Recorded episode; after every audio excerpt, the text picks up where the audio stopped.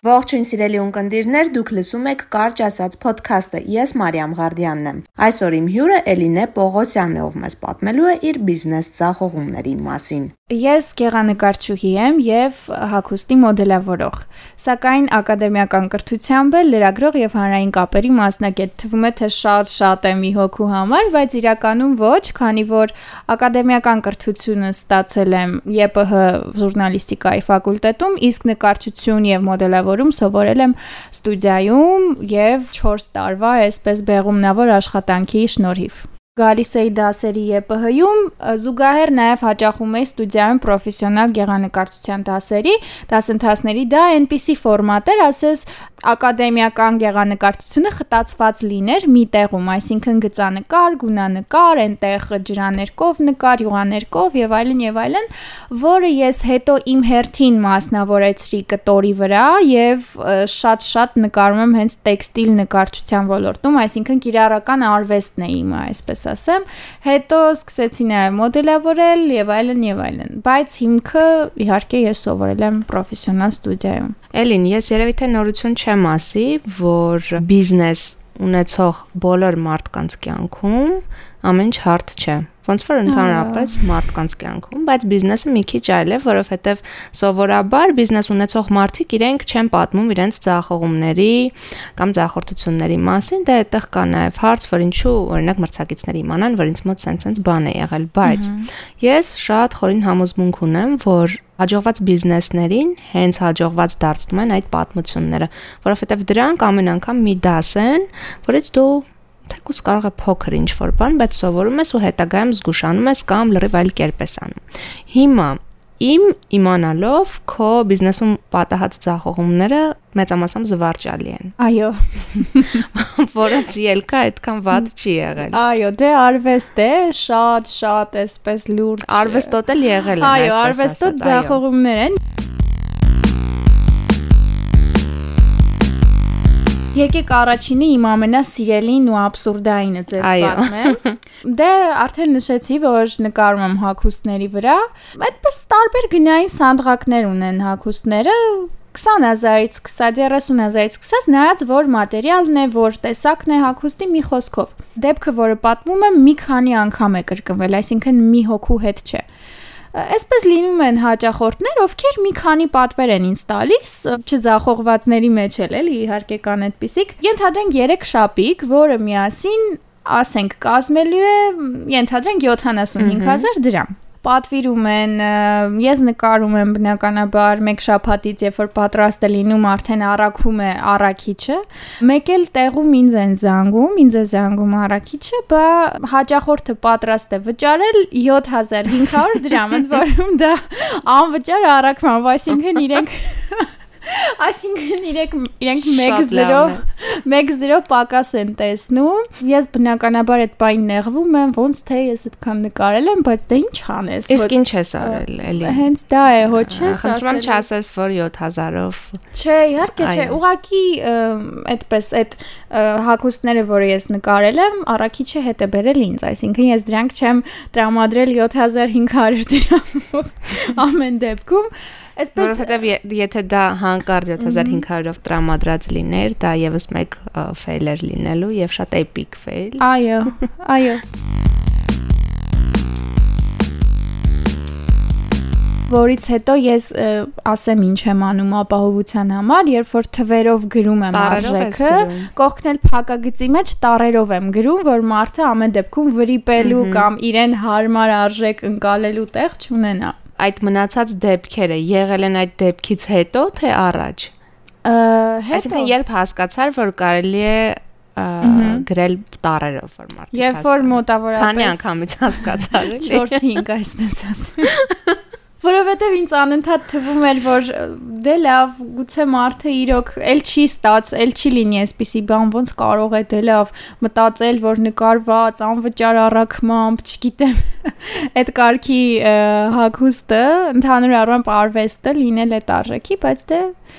Այդպես կային փաստորեն մարդիկ։ Խոստովանեմ մեր ռադիո լսողներին, որ մինչ ինձ մոտ հյուր գալը մի երկու բառով պատմել ես թե ինչի մասին։ Ես խնդրում եմ, որ հիմա պատմես իմ սիրելին այն տղայի պատմությունը։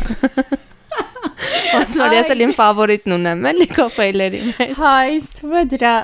այդ պատմությունը միայն ինձ հետ եղած չի լինի, բայց պատմեմ ամեն դեպքում Մի անգամ մի տղա այսպես բաճկոն է հավանում, ասում է՝ «Վայ, շատ սիրուն է»։ Նկարի մեջ ես եմ գրած լինում հենց, այդպես լինում է, որ մոդելը դու ես։ Այո, կոնկրետ այդ դեպքում մոդելը ես էի, այլ մոդել չէի բերել։ Մի խոսքով, ասում է՝ «Այս բաճկոնից եմ ուզում, արկա է»։ Ես ասում եմ, որ արկա չէ, բայց նույնիսկ կարող ենք պատրաստել։ Մի խոսքով, ինքը որպիսի հետո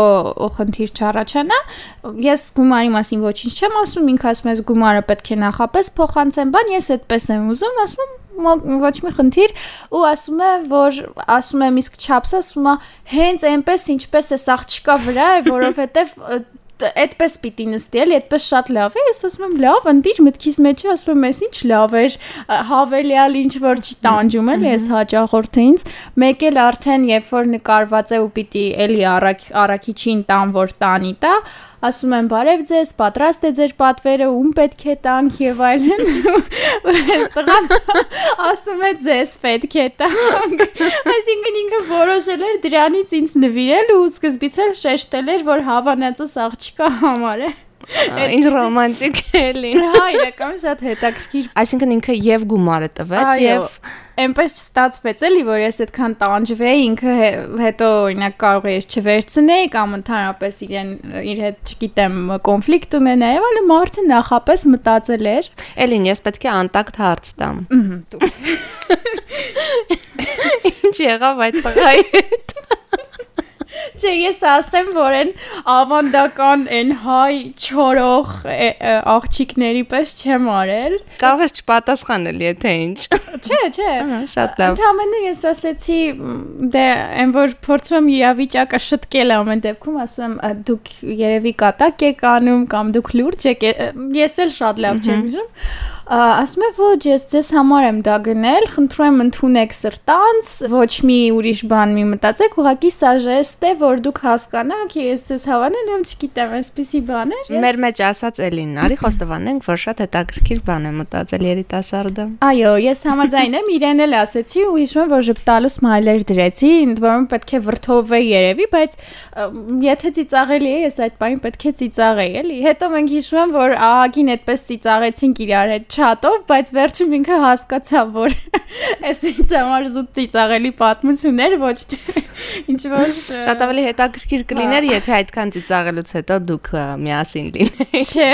ինքը հերո էր նախ, հետո էլ ես իմ համապատասխան չէինք ըստ Ստում եմ մեր ոդքասթը լրիվ շատ աղջիկական։ Բայց լավ մնացինք իրար հետ էլի։ Հա, կարևորը դա է։ պատվիրում են ինձնից, ընդ որում մի 2-3 դեպք է եղել, հուսամ ինձ կներեն իմ հաճախորդները, բայց եթե վատ բաներ չեն գրել, ուրեմն խնդիր չի առաջացել։ Գուցե մտածել են էլի, բայց չեն գրել։ Դե, ես իմ Դե լավ։ Երբ որ ինձնից պատվիրել են օրինակ M չափսը, դե իմ հագուստները լայն են, oversize են եւ օրինակ հենց վաղվա համար են հաջորդ օրվա համար են պատվիրել եւ ինձ էլ ոչինչ չի մնացել, քան M չափսի այդպես պիտակը հանել եւ վրան S չափսը կպցնել։ Օ, շատ անկեղծ ես, շատ անկեղծ ես, հրաշալի է։ Իբր դա S չափսն է,